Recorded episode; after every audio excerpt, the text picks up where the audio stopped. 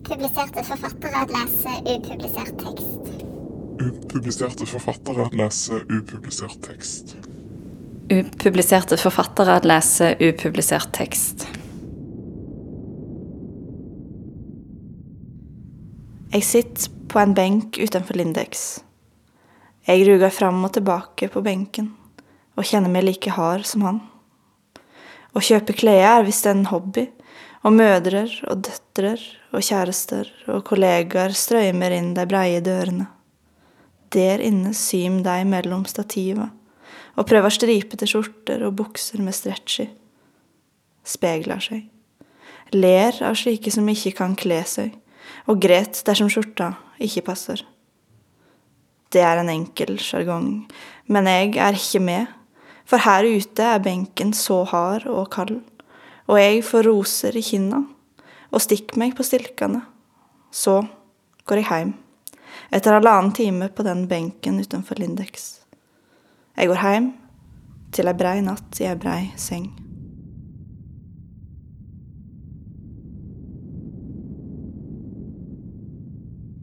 På eBay fikk jeg kjøpt meg en blank og fin skalpell med lommelykt på tuppen. Jeg ble varm på ørene da jeg hentet den på posten. Alle menneskene som var der, hentet pakker, sendte brev. De visste ikke hva jeg hadde i den lille brune pappesken min. Det er natt. Alle sover i det svarte. Men jeg har skalpellen som lyser opp huden min. Mellom ribbeina under brystene lager jeg et fint lite snitt. Det første som pipler ut, er blodet, men når jeg tørker bort dette, ser jeg et minne som stikker ut av huden. En flik av en solskinnsdag. Jeg drar i fliken, drar hele solskinnsdagen ut av magen så den lander på sengen. Når jeg tørker bort alt blodet, lyser det opp hele rommet. Det lukter sjø og kaffe. Flere minner stikker ut av magen, og jeg drar dem ut, ett etter ett, som en tryllekunstner.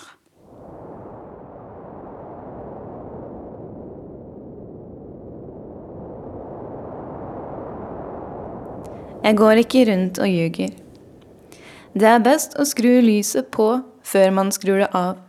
Av og til går jeg til døren for å skru av lyset, men merker at lyset er skrudd av allerede. Mørkere enn dette blir det ikke, skjønner jeg, med mindre jeg trekker for gardinene. Solen er en gigantisk lyspære, og det skal en ganske stor sorg til for å lirke henne ut av sokkelen. Men om jeg danderer øyelokkene over øyeeplene og legger begge hendene over ansiktet, kommer jeg langt. Men det plager meg at dette er juks. Min sorg er ikke ekte, sier jeg, enda jeg ønsker så inderlig at den skal være det. Om noen går rundt og jukser til seg sorg, blir det ikke trøst nok til alle. Det er det samme prinsippet man finner i monopol. Broren min snek alltid til seg litt ekstra, om jeg ikke fulgte godt med.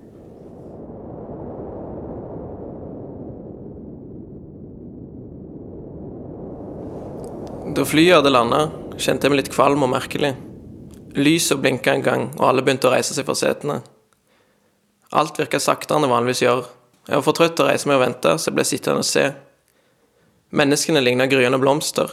Krumme i ryggen steg de opp og straks etter bagasjen. Hele flyet blomstra av underlige ansiktsuttrykk. Øyne fikk liv og skjulte historier. Slette ansikter fikk rynker. Et ubegripelig antall tenner blinka mot meg som natthimmelen, full av stjerner. Jeg trodde fortsatt at du var der, det sett.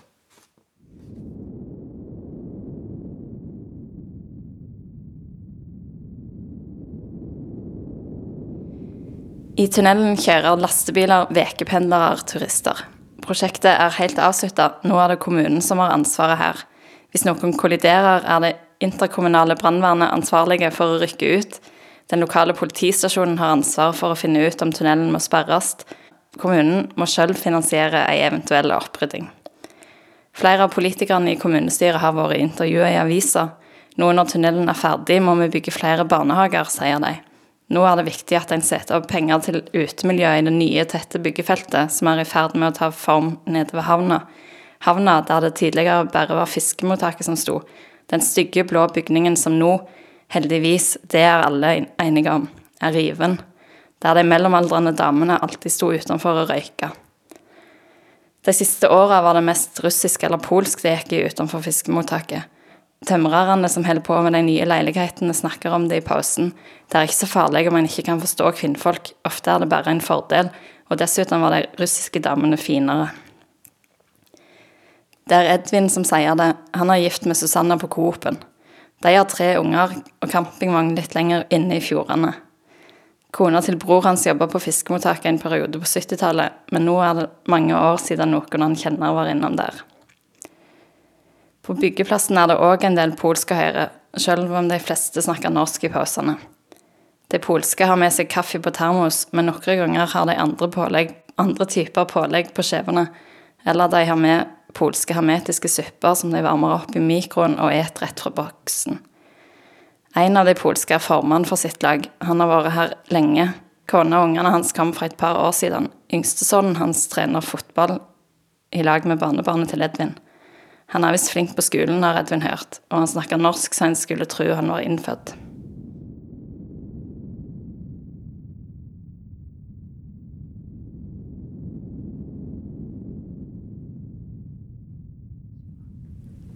Som tråder av fineste sølv er ditt sinn. En skjelvende vev er vegen du følger. I lause lufta for å surre meg inn, med drøymende tankespinn som bølger. I vinden som verket til kjerringa ho, har laga stoffet som syner og døljer. Samtidig det bandet som finst mellom to, like skjørt og sterkt som smilet ditt er, blir til hvit silke, små soldråper nå bare en spinkel nerve i frosten her, som skal smelte i møte med munnen min, til ei gul glede kling, og den kling det er, like høgt som den sjeldne stilla en finn på taket av verda en vinterdag, medan de raske skyene kjem inn mot de skarpe toppene i fullt jag. Sølvsvangre med høge løfter de flyt, vi haustar håpet fra skyene i lag. Men det er med lufta vi knyt og vi knyt. Før vi samler trådene inn i ei nål, vender auga overmodig mot toppen og bryt.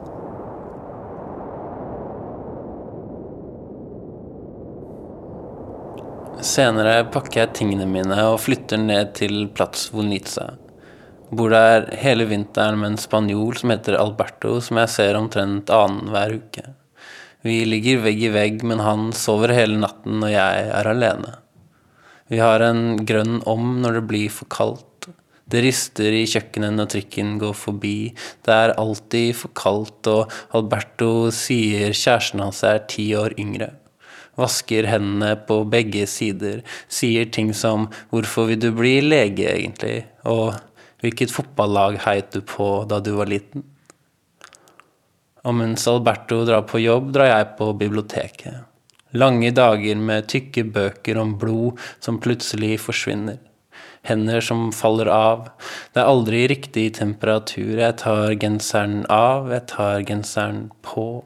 Jeg pugger oksygenets herkomst og øver på å se milten bakfra.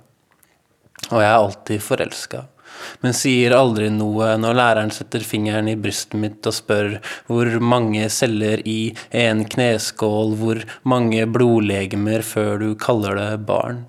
Og det er bare ett riktig svar. Det du aldri husker, og hun heter Tove hele vinteren, hennes nakke i en aula. Istiden er fortsatt blant oss. Rød i øynene, har ikke sovet på lenge.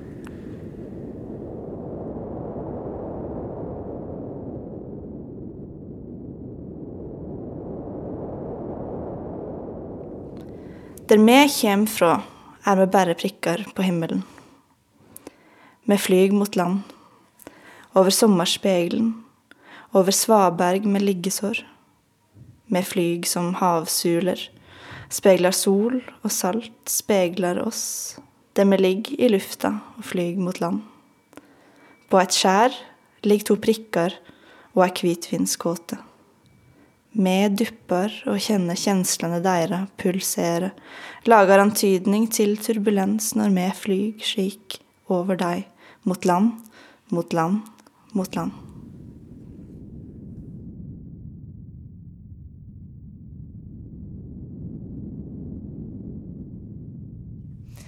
En ublu vinterblus på takpanna. Jeg fyrer som bare det, men bluesen er ikke blyg, bluesen er ikke from. Ned gjennom pipa siger bluesen, inn i stua siver bluesen, smyger inn i kroppen og fester seg i munnvikene, forfører dem ned mot brystene, gjør bluesen.